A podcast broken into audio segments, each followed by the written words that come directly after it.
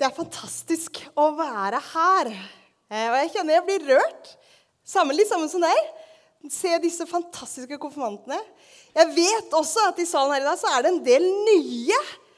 Eh, Det er en gjeng fra Ungdom i oppdrag blant annet, som er her. Og det er flere som jeg vet som er her for første gang i dag. Jeg håper så inderlig fra dypet av mitt hjerte at dere kjenner at her kan dere slappe av.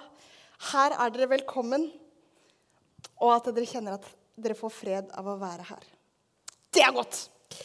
For noen år siden så var jeg i en samtale, og vedkommende spurte meg, Malin, hvem er viktigst i ditt liv? Og så tenkte jeg jo, som en god kristen så bør jeg vel svare Jesus. Så jeg sa Jesus. Og så sa han en gang til.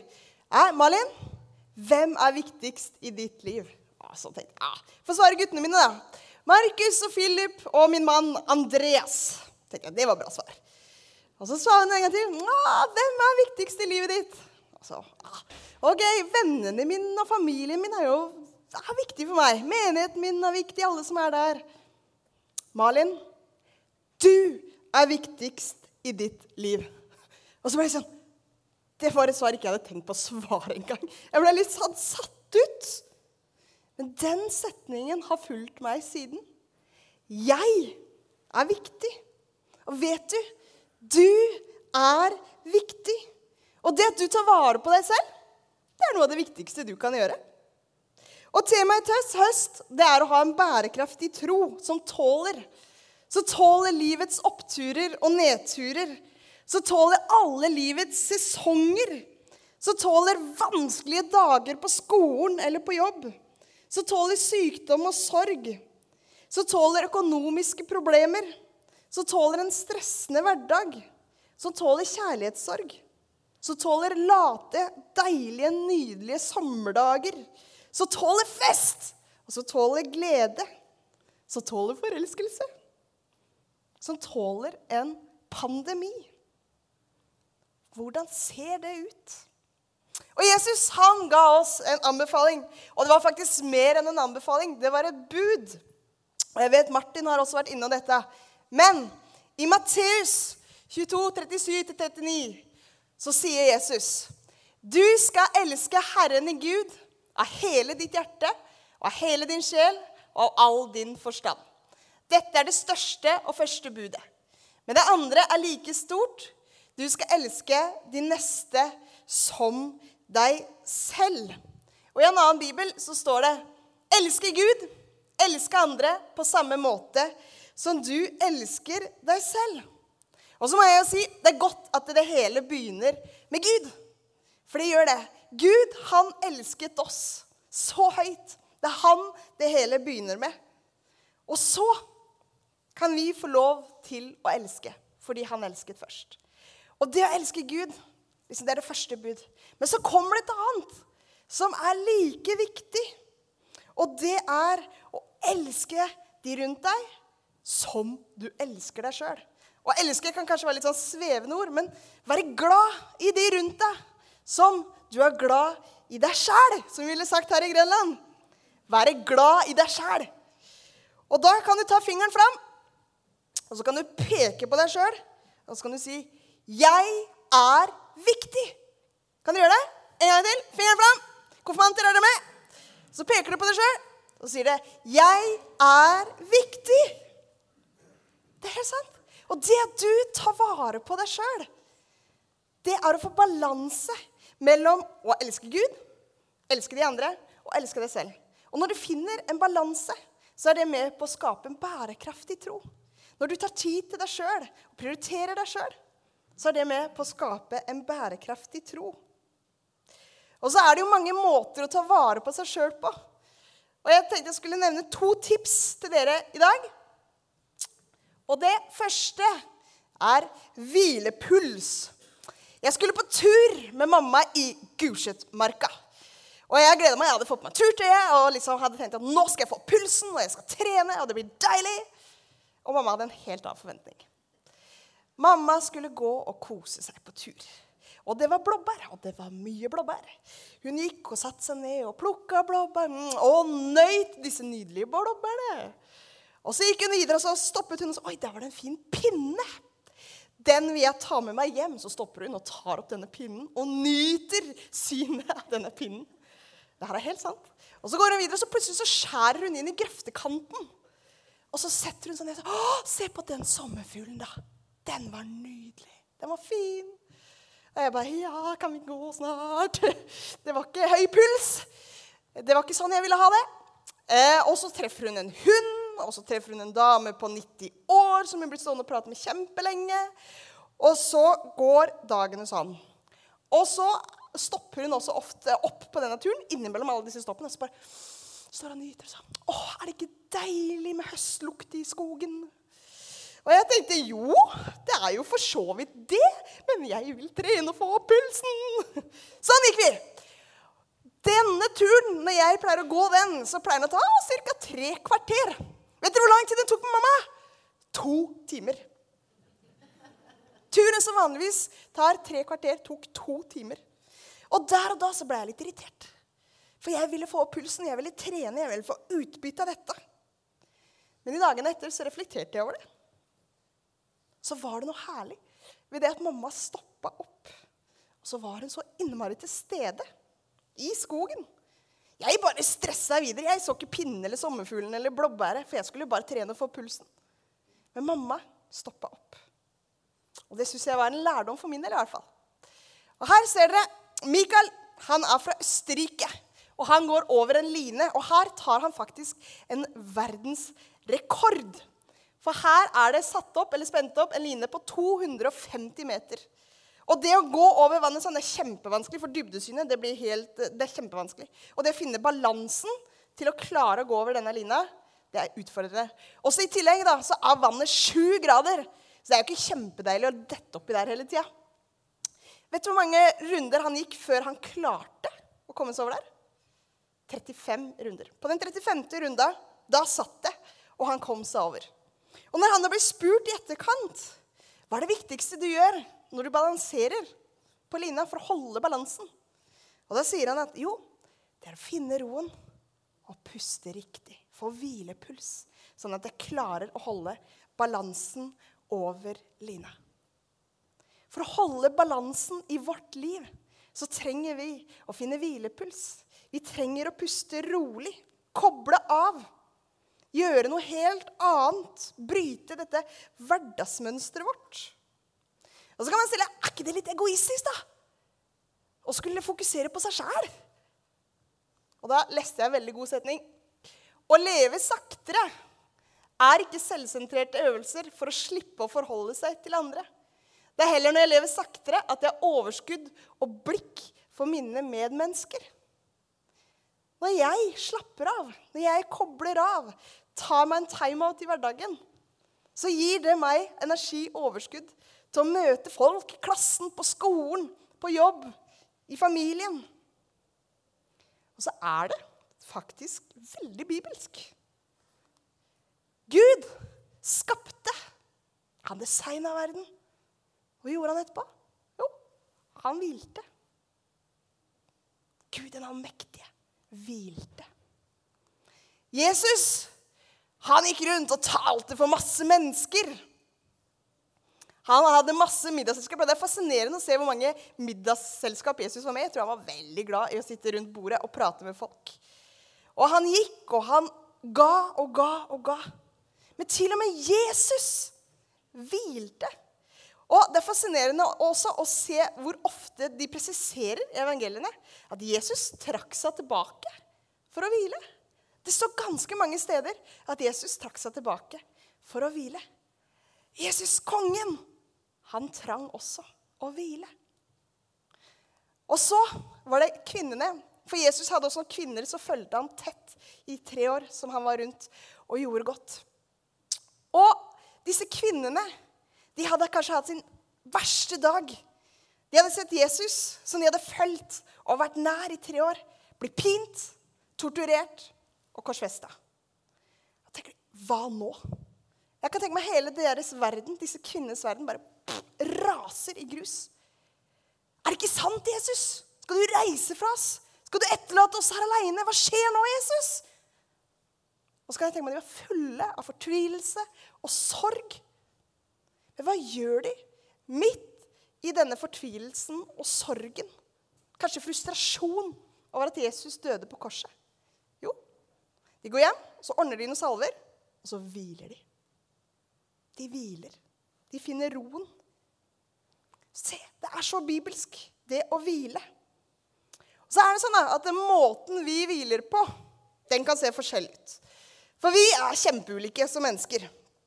Noen får overskudd og energi og hviler av å være sosial. Og det å være sammen med andre mennesker, det gir energi. Og der finner du måter å koble av på, fordi du syns det er så digg. Andre syns det er nydelig å sitte aleine og finne roen på den måten. Og så er det noen, og Denne, denne syns jeg er litt fascinerende. og jeg kjenner at jeg, Den er ikke helt der jeg er. Men noen får faktisk energi av, av å kjenne adrenalinet bruse. Vi har en uh, ungdom som hoppa i fallskjerm her ikke sant? for litt siden. Eller hoppe utfor klipper, eller kjøre en utfor i ski. Og liksom kjenner at når adrenalinet bruser, da hviler jeg. Da slapper jeg av. Vi kan være så forskjellige. Men det er så viktig at du finner ut en måte som funker for deg. Hvor du tar vare på deg selv. Og kanskje er du som meg, da. Jeg syns faktisk dette kan være litt vanskelig. For jeg er den typen som elsker å være med folk, jeg, og liksom er veldig sånn ekstrovert. Nydelig. Og så syns jeg det kan være litt vanskelig da å finne disse rommene til å hvile, til å ta timeout. Men så blei løsningen for meg det blei rett og slett kaffe. Jeg vet ikke konfirmanter. Er det noen konfirmanter som drikker kaffe her? Hvis ikke så er det ofte sånn at dere blir bytt kaffe på eh, konfirmasjonsdagen deres. Det kan jeg sørge for. Men kaffe! For to år siden så var jeg så heldig å få muligheten til å bli prest i Gulset kirke. Gulset og Skottfoss kirke. Og da er det jo sånn at du kommer i samtale med masse, ja, masse sjelesorgsamtaler og sorgsamtaler og dåpssamtaler. Og stort sett hvor enn jeg da er, så kommer det kaffe og wienerbrød. Og wienerbrød likte jeg. Det var ikke noe problem. Men kaffen, den sleit jeg med. Jeg sleit så inderlig. Så tenkte jeg at jeg må gjøre noe. Så jeg begynte å drikke kaffe. Og jeg drakk kaffe, og drakk kaffe, og drakk kaffe. Og nå liker jeg kaffe. Så nå, når jeg blir tilbudt kaffe Nå skjer det med troskirke. Dere får meg, nå slipper det liksom å omvende meg. Da kan dere bare ta meg imot og si vær så god, her er kaffe. For nå liker jeg kaffe. Men det er faktisk også blitt sånn at jeg koser meg med kaffe hjemme. Og da har jeg gjort det sånn at når jeg hjemme Jeg gjør ikke det når jeg er ute blant folk, men når jeg er hjemme og tar meg denne kopp kaffen, så er det lik for meg en timeout. Da tar jeg enten så er jeg bare helt stille og drikker en kaffe. Det er ikke så veldig ofte det er helt stille hos oss, for vi har en på, to unger, en på fire, en på seks, pluss min mann. Så det er ikke så ofte det er stille. Men enten så gjør jeg det, eller så leser jeg en bok, eller så hører jeg en sang. Og den kaffekoppen, når det er kaffekopp, da kobler jeg av. Da gjør jeg noe annet. Da alt er bekymring og stress og alt som tynger, da prøver jeg bare å legge det bort. Jeg tenker, Nå er det meg og kaffekoppen. Min fem minutters tid med kaffekoppen har blitt min timeout i hverdagen. Og Så sitter du her og så tenker du kanskje ah, hva kunne vært min timeout. Og Da har jeg en liste med noen forslag til deg. Bare helt konkret. Og kanskje er disse veldig fjerne for deg. Og kanskje er det noen av disse du tenker ja, det kunne jeg også ha gjort. Lag en kopp kaffe, te eller kakao, og drikk den sakte. Det er jo litt det jeg snakka om. På, ja, på et behagelig sted mens du kjenner hvordan kroppen slapper av. Tell, ti, tell ti ting som du er takknemlig for akkurat nå. Kanskje kan du stoppe opp innimellom i hverdagen og tenke hva er jeg takknemlig for nå? Plukk blomster i veikanten, sånn som mamma. Legg puslespill. Og i koronatida var det jo utsolgt for puslespill rundt omkring. Fortsett med det.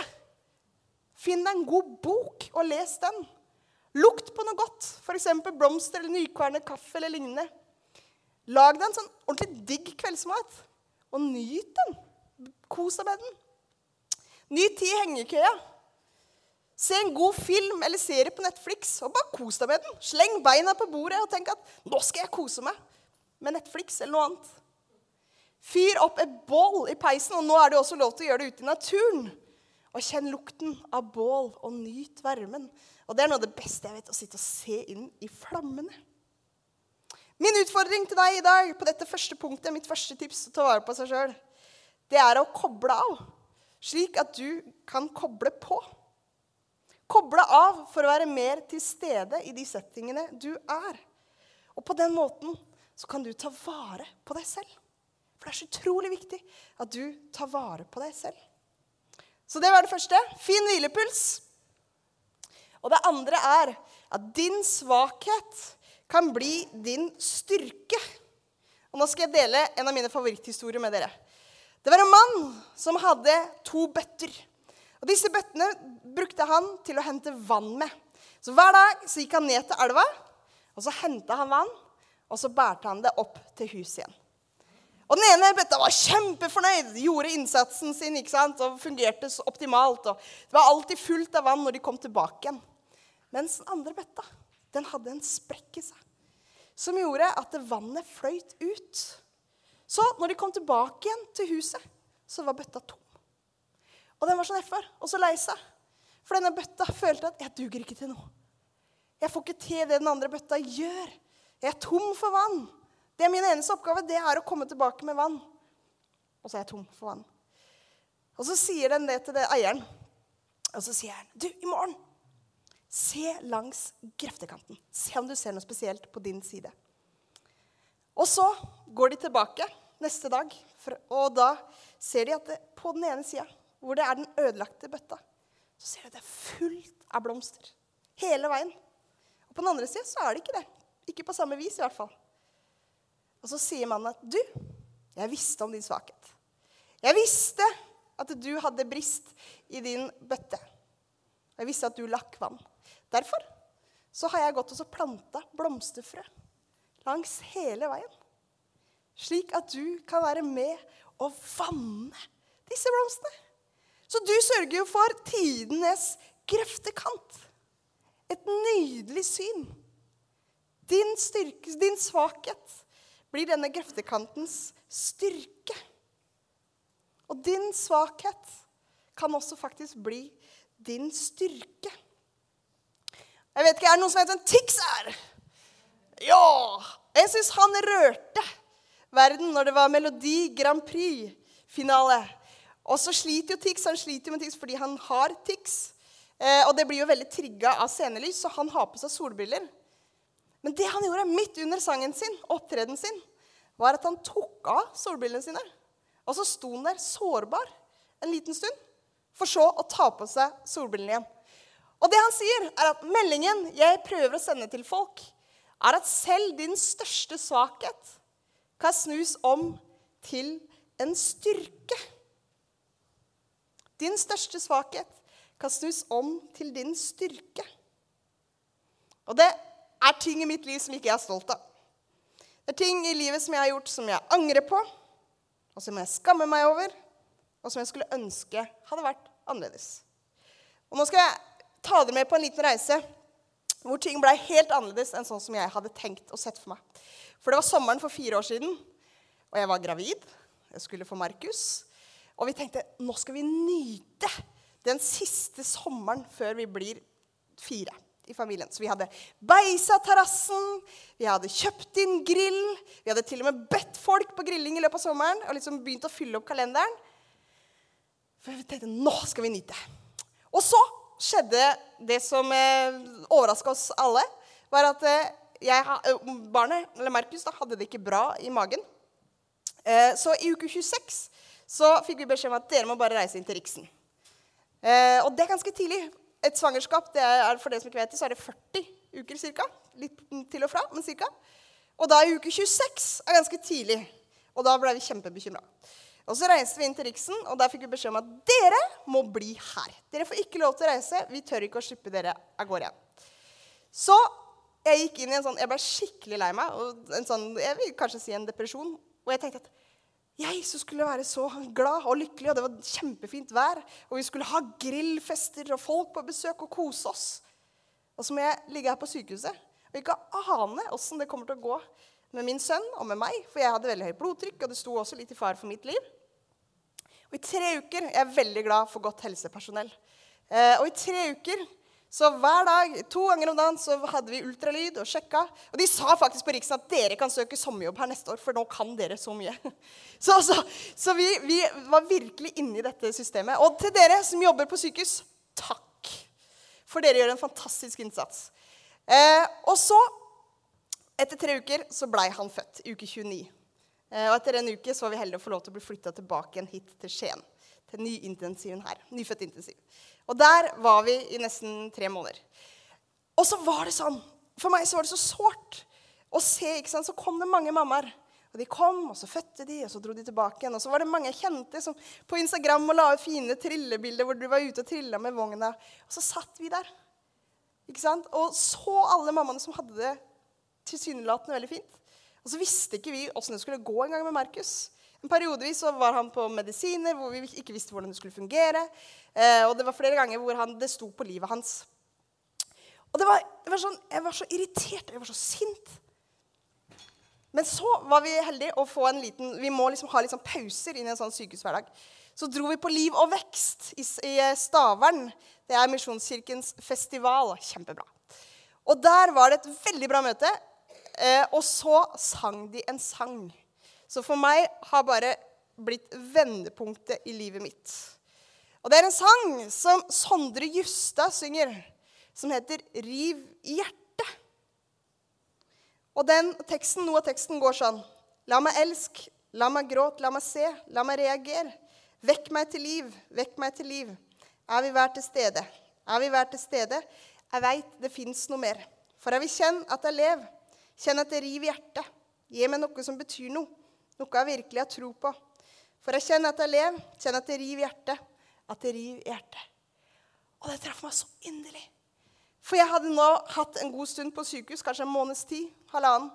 Og jeg hadde vært så irritert og så sint. Og så hadde jeg gått glipp av kanskje alt det gode rundt. For jeg hadde sett så veldig på det mørke. Og det å la meg elske, la meg reagere, det ble en sånn bønn for meg. Ja, jeg har det kjempevanskelig. Jeg har det kjempetøft.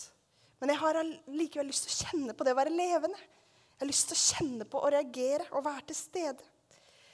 Så når jeg kom tilbake igjen hver dag resten av sykehusperioden, så spilte jeg den sangen hver morgen. Og det la sykepleierne merke til. Så de sa, de sa til den sangen den har rørt meg også. Fordi jeg spilte den ganske høyt. Eh, men det gjorde noe med meg og mitt sykehusopphold. Jeg visste at her kommer vi til å være i antakeligvis to måneder til. Det visste jeg. Jeg visste ikke helt åssen det kom til å gå med Markus. Men jeg visste at det er her jeg skal være. La meg være til stede her og nå. Og det som skjedde var at jeg har fått så utrolig mye fine samtaler. Med renholdere, med sykepleiere, med leger, med andre mammaer. Spesielt andre mammaer. Jeg har fått lov til å være med og be. Flere av de har kontakt med etter, nå i etterkant. Hvor de har sagt at det du var der, det var så utrolig viktig for meg. Og det var flere som sa at det var en trygghet å se meg i gangene. Så da skjønte jeg at jeg har vært der ganske mye. da. Når det var en trygghet å se meg i gangene. Men det var så deilig å kjenne at ja, jeg har det vanskelig. Jeg kjenner på en sånn svakhet. Men så kunne jeg gjøre den om til en styrke. Og jeg opplevde at min nedtur det kunne bli en opptur for noen rundt meg. Og dine nedturer de kan bli en opptur for noen rundt deg. Og jeg synes Trygve Skau han sier det så fint. Klart det er du som skal være ankeret mitt. Hvem vil ha et anker som ikke aner hvordan det ser ut på bunn? Jeg tror vi alle har sprekker av et eller annet slag. Vi har alle et eller annet vi sliter med, som vi syns er vanskelig, som er vondt. Og vi tenker liksom ah, 'Jeg får det ikke til. Jeg er ikke viktig. Ingen tror på meg.' Jeg har vært så innmari lenge på bunn. Men vet du hva? Din sårbarhet, din vanskelige situasjon, det kan gjøres noe med. Og det kan bli til glede for noen andre, eller til inspirasjon for noen andre. Noah Nå skal jeg si noen bibelske personer, for de var heller ikke perfekte. Langt derifra. Og det kan vi tenke når de står om i Bibelen. Da må de ha vært fantastiske. Bare hør på den rekka her sånn, da. Noah, han drakk seg full. Abraham, han var gammel. Jakob var en løgner. Josef ble mishandlet. Moses var en morder. David var utro. Paulus, han jakta etter de kristne. Rab var prostituert. Jeremia var for ung. Timoteus var for ung. Og Elias han hadde selvmordstanker. Peter hadde et kjempehøyt temperament. Og så han går denne lista. Alle hadde de svakhet. Det var ingen av de som var perfekte. Og det, jeg tror det gjør noe med oss når vi jobber med å akseptere våre svakheter. Når vi aksepterer at OK, vet du hva? Jeg har noen brister, jeg har noen sprekker. Kanskje du kan si ah, Gud, dette er mine. Så kommer Gud og kan fylle dem med gull. Og så kan det bety noe for de rundt. For jeg tror at Når vi deler ekte liv, folkens, så gjør det noe med oss. Jeg vet i hvert fall det sjøl, at når noen står og forteller ærlig fra livet sitt, så tenker jeg åh, det var så godt. Det var godt å høre at det er andre også som syns livet er vanskelig. Og så kan det bli velsignelse for de rundt deg. Dine nedturer kan bli til en opptur for de andre. Og en måte å begynne å akseptere våre sprekker på, det kan være å snakke med noen. Snakke med noen som du er fortrolig med. Det kan være pastoren i kirka, eller det kan være en eh, helsesøster på skolen, eller en lærer, eller en kollega, eller en venn, eller noen i familien, eller en psykolog, eller noen du prater med, som er fortrolig. Fortell. For det å akseptere sine sprekker, det kan være kjempelang vei. Og det, jeg sier, det er ikke lett. Men jeg tror at når vi lærer oss til det, så gjør det noe med oss. At ikke vi bare skal være sure og bitre over våre sprekker men at vi også kan bruke det til noe godt. Og så har jeg lyst til å si, Hvis du sitter nå og kjenner at vet du hva, jeg, kjenner, jeg er skikkelig på bånn, og mine sprekker akkurat nå er gedigne og jeg kjenner at både det å finne, Når du snakker om å finne hvile, og det å være glad i seg sjøl og det å akseptere sine svakheter, det er kjempevanskelig. Det får jeg ikke til. Så jeg bare sier til deg det går bra. For Jesus sier, 'Kom til meg' alle som strever og bærer tunge byrder, og jeg vil gi dere hvile. Hvis du kjenner at 'jeg fikser det ikke', 'jeg orker ikke', så kan du gjøre en ting, og det er å komme til Jesus. Og Da er det så enormt deilig at han står ikke og bare liksom sier 'nei, vet du hva, du har for store sprekker'. Vil ikke ha noe med deg å gjøre. Nei, Jesus står med åpne armer og sier 'du, velkommen igjen'. Jeg tar deg med alt du har opplevd, med alt du har gjort, og med alt det du er, så tar jeg deg imot. Og det er så godt. Når du lærer deg til å bli glad i deg sjæl, når du lærer deg til å akseptere at OK, jeg er ikke perfekt, jeg får det ikke alltid til, men jeg er glad i meg sjæl likevel. Og når du tenker at det er viktig faktisk for meg å finne hvile, og lære deg å bli glad i deg sjøl, så er det en hjelp til å finne balanse i troslivet også, faktisk. Og en balanse mellom å elske Gud, elske de andre og elske deg sjøl. Og det er jeg så glad for at Jesus var tydelig på det. Elsk deg sjøl. Det er kjempeviktig. Det er noe av det viktigste du kan gjøre. Så når du lærer å bli glad i deg selv og prioriterer deg selv, så vil det være en viktig brikke i ditt trosliv som hjelper deg å ha en bærekraftig tro. En tro som tåler. La oss be. Jesus, takk for at vi kan få lov til å være glad i oss sjøl. Og takk for at uh, du hjelper oss også til det. Og du ser, De som kjenner på kanskje noen av de tingene jeg snakka om i dag, både de som sliter med å finne den timeouten og hvilen og roen. Hjelp oss til å finne disse pusterommene, sånn at vi kan koble av for å koble på. Og så Jesus, så ber jeg for de som, spesielt de som kjenner på at ah, jeg har så mange sprekker. Mange ting i livet mitt som er kjempevanskelig. Jeg føler at jeg er bare på bunn. Jeg ber om at du skal komme til dem med din fred og ditt håp. La de få lov til å kjenne at noen ganger i livet handler det bare om å være. Og så er du der med åpne armer og tar imot. Og jeg synes jeg ber om at de som kjenner på det nå, skal få lov til å bare kjenne at OK, jeg kan bare gi alt jeg har til deg, og så kan jeg bare kjenne på en sånn fred. Takk for at du tar oss imot. I Jesu navn.